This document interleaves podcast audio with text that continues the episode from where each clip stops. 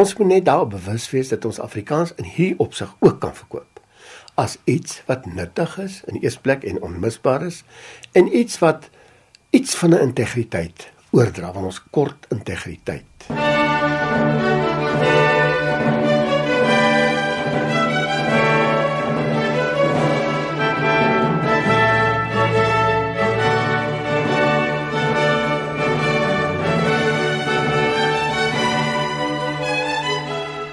Hans Du Plessis is 'n gebore en getoe Pretoriaaner. Hy beskryf sy kinderjare in Silverton as 'n wonderlike tyd. Die voorstad was byna 'n platlandse dorp en hulle is omring deur veld en seringbome en lekker breek.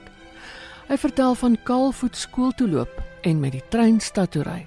Hy matrikuleer aan Afrikaans Hoërseunskool, studeer voorgraads by Tikkies en kom dan uiteindelik half per ongeluk by Afrikaans uit.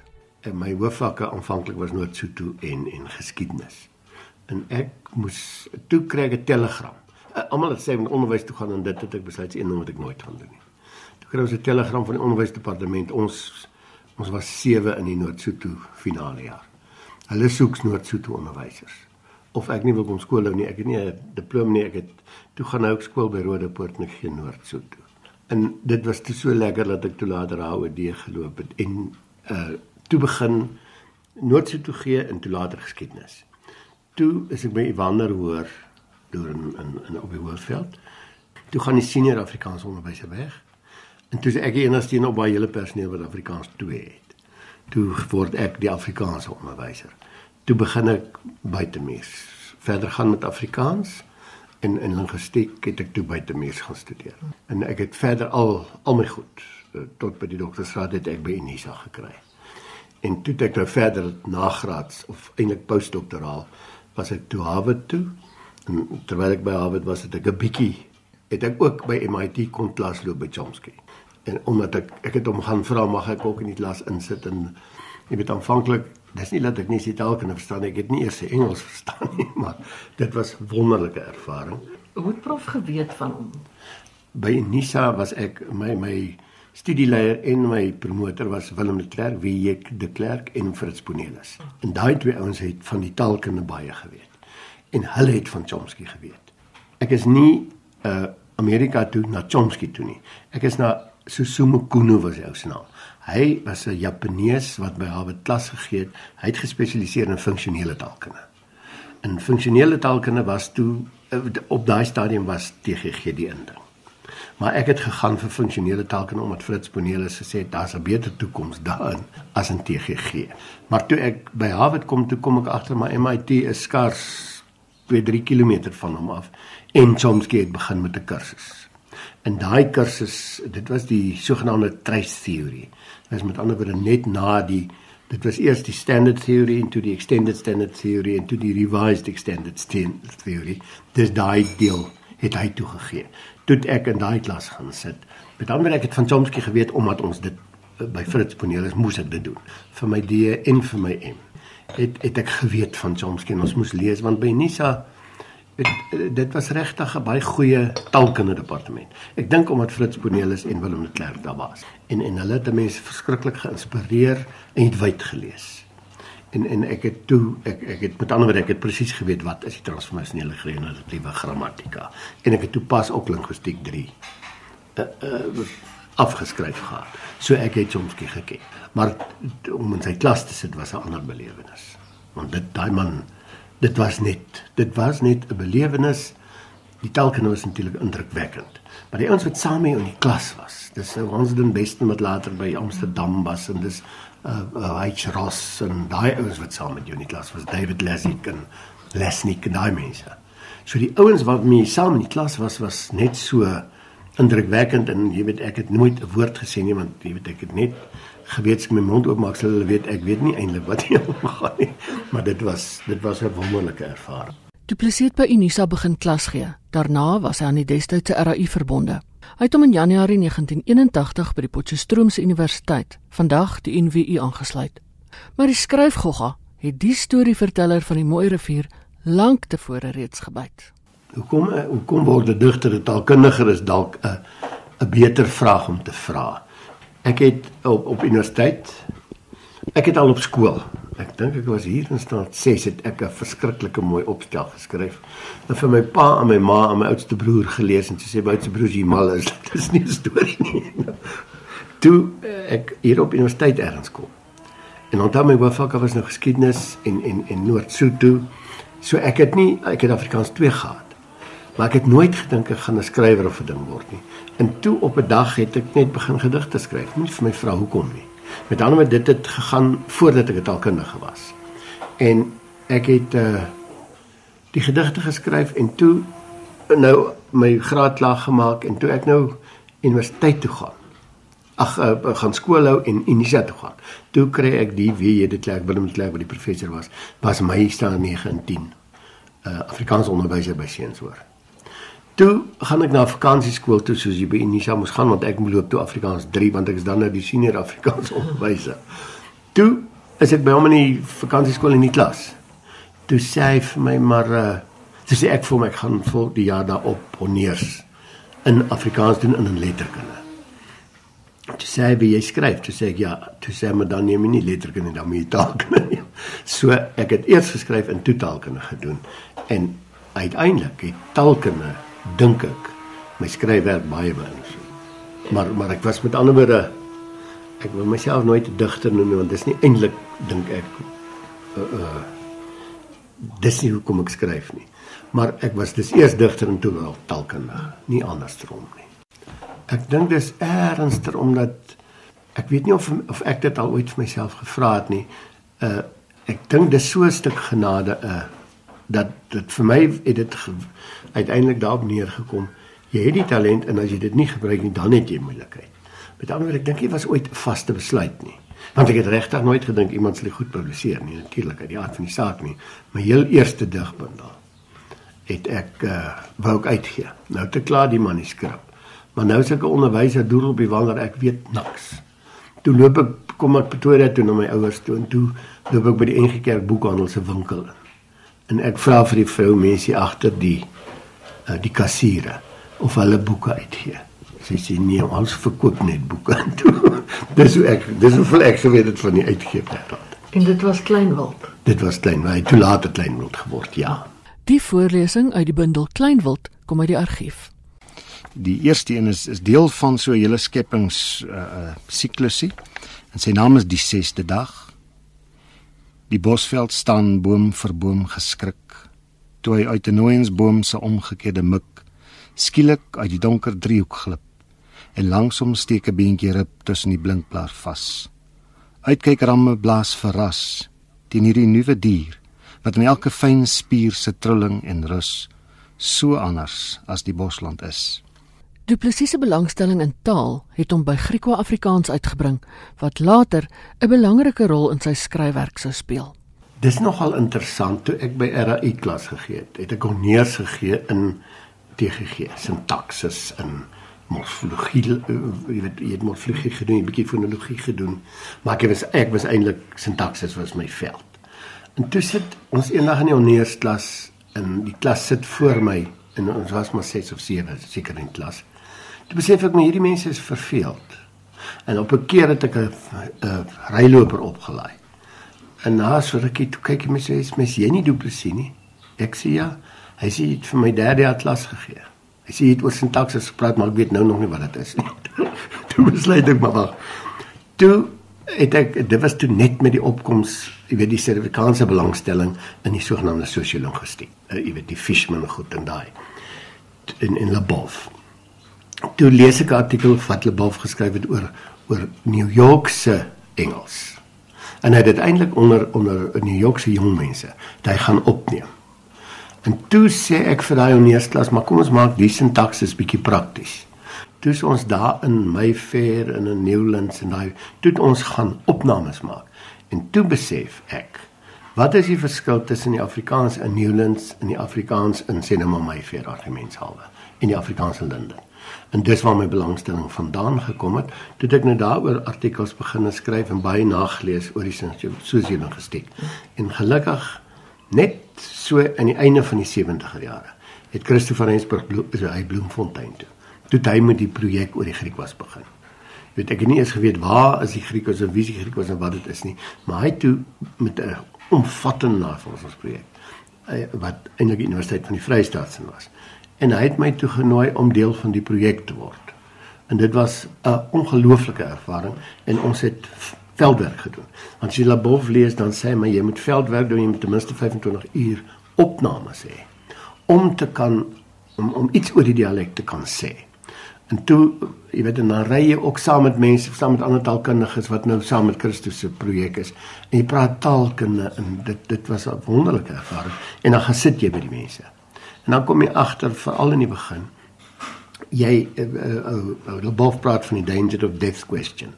Jy moet leer om 'n vraag te vra dat die mens nie vir jou ja of nee antwoord nie. Van daai eerste veldwerk, kom jy by die huis dan jy omtrent 2 ure se opnames dan kom jy agter maar die ou jy wat die onderhoudvoerder is praat die hele tyd.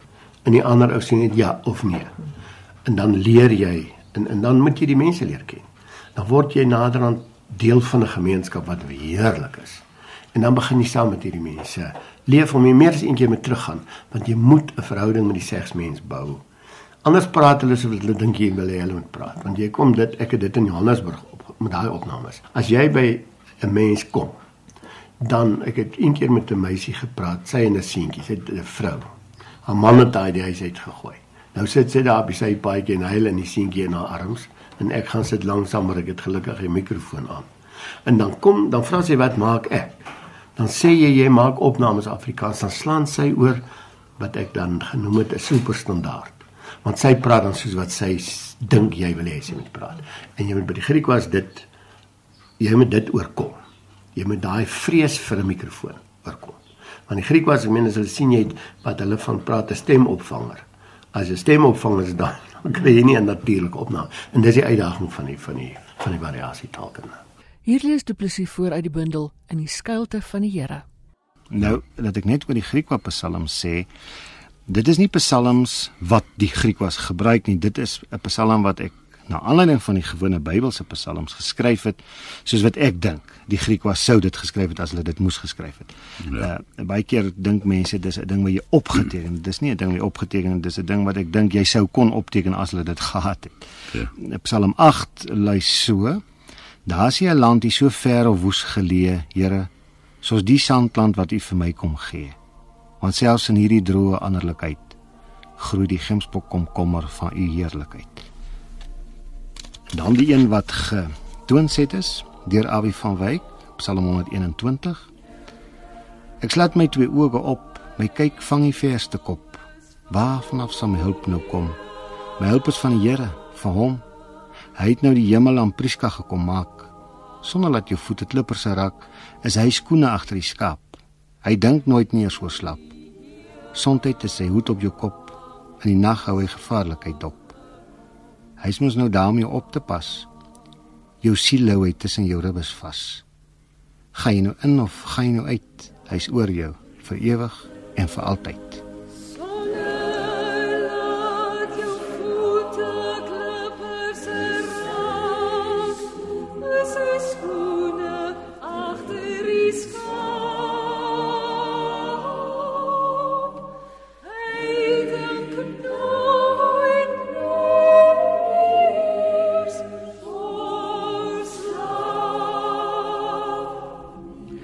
Was Awie van Wyk se toonsetting van Psalm 121 uit Du Plessis se bundel In die skuilte van die Here. Du Plessis vertel meer oor skryf in 'n ander taalvariëteit.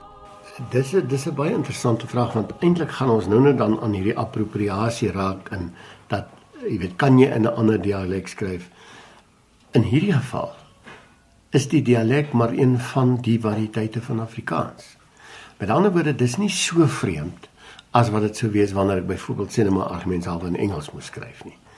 En hierdie baie jare lange navorsing in die variëteit en die gesprek met die mense en die saamleef met van daai mense maak dat jy eintlik later nie eens agterkom jy praat in die dialek of jy skryf daarin nie. Dit word dus jou eie. En en en uh, en dit vir my verseker snaaks om te verduidelik want ek verstaan dit self nie presies nie. Maar uiteindelik dink ek in jou navorsing, in jou daar wees, raak jy so deel van hierdie hele projek en van die hele en jy raak so bewus van die gemeenskap en die gemeenskap is vir my baie belangriker geweest as die taal. Uiteindelik was ek dan waarskynlik 'n frontaalkundige want ek was meer geïnteresseerd in die mense en in die verhouding met die mense as wat ek in die taal was. En dit maak dat jy daarrand as jy daar is en jy's 2 weke daar, praat jy maar soos wat hulle praat. Omdat dit nie so ver verwyder is van wat ons praat nie. En dit word dan jou eie dan skryf jy eintlik vir jou wat jouself betref. Skryf jy eintlik nie meer in 'n vreemde variëteit nie. Behoort 'n mens daai reg toe te eien om in 'n ander variëteit te skryf?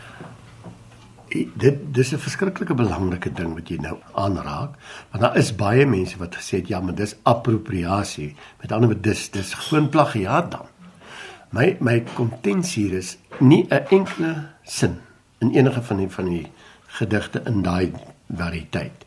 Is 'n sin wat bestaan het nie. Met ander woorde ek het nie iets opgeteken nie. As daar nou iets is waaroor ek omtrent nooit klaar gepraat geraak nie is dit daai opteken. Dis nie opgetekende goed nie.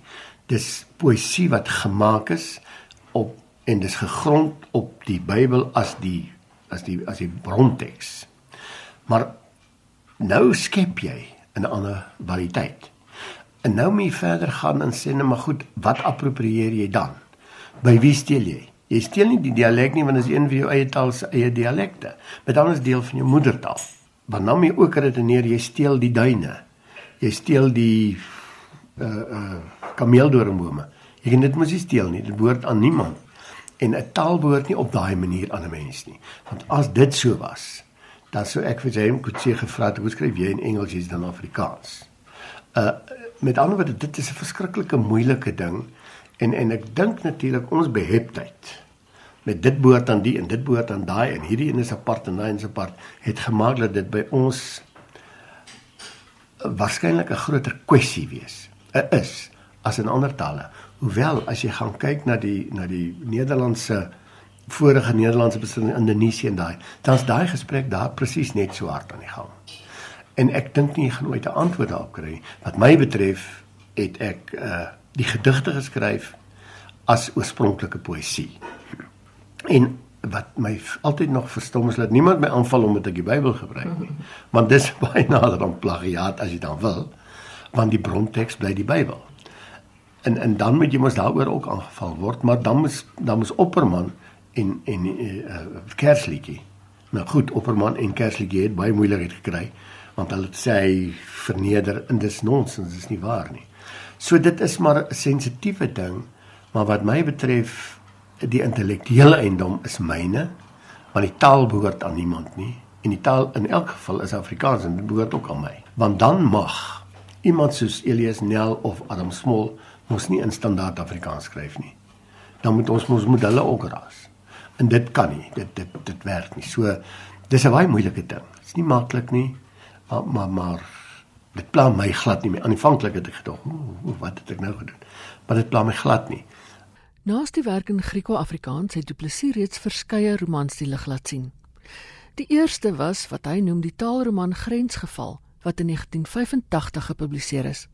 Dit is steeds sy gunsteling. Onthou jy nie vra wat my beste boek nie, is my vra wat my gunsteling. Ja.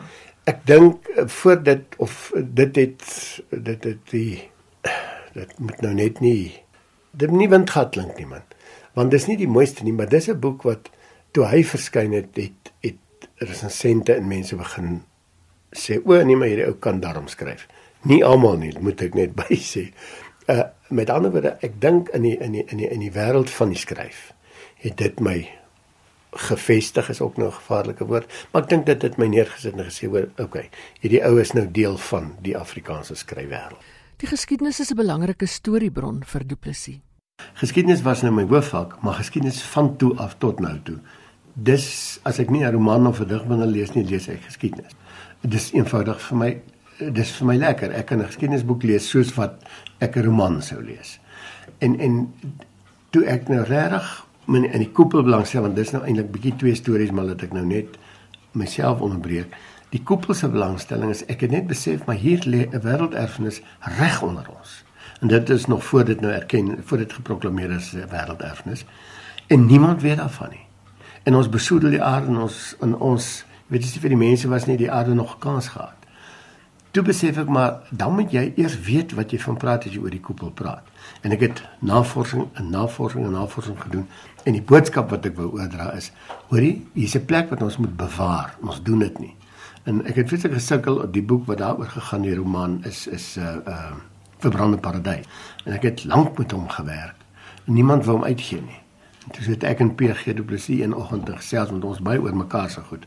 Toe sê hy vir my ja maar hulle sal hom uitgee want dit nie 'n storie nie. Toe wip ek my en sê maar jy het nie die boek gelees nie. Sê hy nee maar die manuskrip want ons het nooit mekaar se manuskripte gelees nie. Toe sê hy nee maar ek hoor daar's nie 'n storie nie. Ek is behep met die boodskap. Toe besef ek maar ek is behep met die boodskap van bewaring in plaas van dat ek 'n roman geskryf het. In die oomblik toe ek dit verstaan, toe verstaan ek wat bedoel uh, hy as hy dit sê, ek het nie geplot nie. En met die geskiedenis is dit presies dieselfde. Ek het toe ek begin het met die koepels goed ook gelees en agtergekom maar die die groot trek se eerste mense wat deur die Valrivier gegaan het, moes daardeur gegaan het deur die koepel, want die Liebenberg moorde is in die Vredefort koepel. Die Liebenberg koppie wat nou nog vandag die koppie is nog daar en die die gedenktekentjie is ook daar. Die voortrekkers moes daardeur getrek het want daar's 'n drif. En toe besef ek maar die koepel is ook die eerste kom ons sê maar landingsplek laat ek maar sê van die groot trek en ons weet niks daarvan af nie. So daai belangstelling in die oomblik toe ek agterkom hier is 'n geskiedenis met hiate in. Die oomblik as daar 'n gat in die geskiedenis is, dan's dit mos 'n romanskrywer se se verjaarsdagpartytjie. Want dan vul jy die gate in. Jy lieg, jy kan mos dan bylieg. En en dis wat my van die geskiedenis, veral van hierdie stuk geskiedenis wat nie so volledig gedokumenteer is nie. Kan jy as jy daarvan fiksie maak, dan hoef jy nie die geskiedenis te verdraai nie, maar jy kan die gate invul met 'n storie. Maar mens kan nie met of oor Hans Du Plessis praat sonder om oor Afrikaans vandag te praat nie.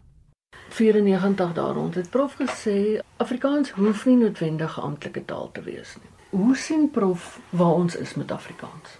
Ons is in 'n beter plek as wat ons toe was. En as ek dit sê, dan moet ek dit kwalifiseer, want met beter bedoel ek dan ons kan nou self vir ons sorg. Of ons vir ons sorg is nou 'n vraag wat ons nou-nou oor saam moet praat, want Die toekoms van Afrikaans en die bestaan van Afrikaans en die voortbestaan daarvan hang af van die gebruikers van Afrikaans. En let op, ek praat van gebruikers, nie van die moedertaalmense alleen nie. En nie van die ek praat ook van die die 14 miljoen min of meer mense. Kom ons sê die 10 miljoen mense wat elke dag van hulle lewe in hierdie land in Afrikaans hulle brood moet verdien. En of jy 'n nou swart of bruin of wit of wat is maak nie saak nie. Daai Afrikaans is die hy's nie geïnstitusionaliseer nie. Met ander woorde die regering hoef hom nie te beskerm nie. Die ATKV hoef hom nie te beskerm nie. Solidariteit hoef hom nie te beskerm nie. Hy bestaan. Die vraag is, wat doen ons institusioneel met hom? Die vraag is, wat verkoop ek van Afrikaans as ek in 'n winkel instap en die ou wil nie Afrikaans praat nie ek gee hom 'n klap teen sy kop. Ek verkoop niks. Ek verkoop 'n mentaliteit. En uh, my my hele gevoel oor Afrikaans is kom ons skep kwaliteit. Kom ons wees kwaliteit, dan kry jy hom verkoop. Moenie hierdie krampagtige houding hê vat aan my en dan is daar moeilikheid nie. Ons moet mense na Afrikaans toe trek. En daar's net een manier. En dis deur hoe ons in Afrikaans optree en wat skep ons in Afrikaans. Maar nou die moeilikheid ons jy weet daar daar's veel goed wat gebeur. Jy weet die AWB het Kakitler sê 'n slegte naam gegee. Ja. Pas op dat ons met ons optrede oor Afrikaans nie Afrikaans 'n slegte naam gee nie. Ons optrede in Afrikaans gaan baie meer wen as wat ons kon wen met 'n wet wat sê jy moet dit praat. Maar dan moet ons ons met 'n mentaliteit verkoop. Ons moet liefde verkoop. Ons moet versoening verkoop. En ek sê nou vir jou vandag, die taal van versoening in hierdie land is Afrikaans. Beklei gaan nie help nie. Beklei het nog nooit gehelp nie. Jy kan nie 'n taal regtig in stand hou met 'n wet nie. Dit is Latyn is die bewys daarvan. As daar een ding is wat Afrikaans bekommer, is dit die die swak vorm van Afrikaans wat ons gebruik. En daarmee bedoel ek nie anglisismes. Ek bedoel eenvoudig dat daar te veel mense is wat vrot Afrikaans praat en vrot Engels. Dan meng hulle die twee vrot is. En dan dan kry jy dat hulle op televisie uh jy weet al ewig Engelse woorde ingooi. Uh en daarmee sê ek nie ons moet hierdie suiwerheid suiwer is in elk geval 'n mite. Daar bestaan nie so ding so suiwer taal op aarde nie. IJslands miskien ja, maar verder niks. Ons moet net daar bewus wees dat ons Afrikaans in hierdie opsig ook kan verkoop as iets wat nuttig is in eers plek en onmisbaar is en iets wat iets van 'n integriteit oordra van ons kort integriteit om al ewig tussen Engelse woorde in te gooi. Ek praat nie van venue of show nie. Ek praat van hy praat gewoonlik gewoonweg Afrikaans en dan kom daar net 'n actually sommer tussen vir wat. Dit's net so mooi en lekker Afrikaanse woord om dit te sê. Maar dit dit hang saam met netelik met ons ons politieke oorsensitiwiteit. En ek sê nie ons moenie politieke sensitiwiteit hê nie. Natuurlik moet ons dit hê. Ons moet dit meer hê as wat ons het.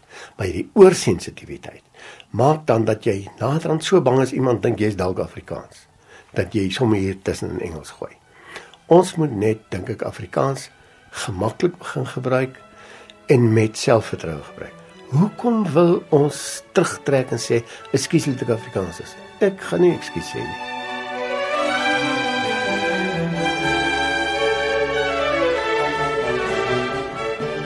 Die program Hans Du Plessis, storieverteller van die Mooi Rivier is saamgestel met dank aan Karen de Tooy van die SAIK se klankargief en Tarin Oosthuizen. Die samesteller en aanbieder was Ina Strydom.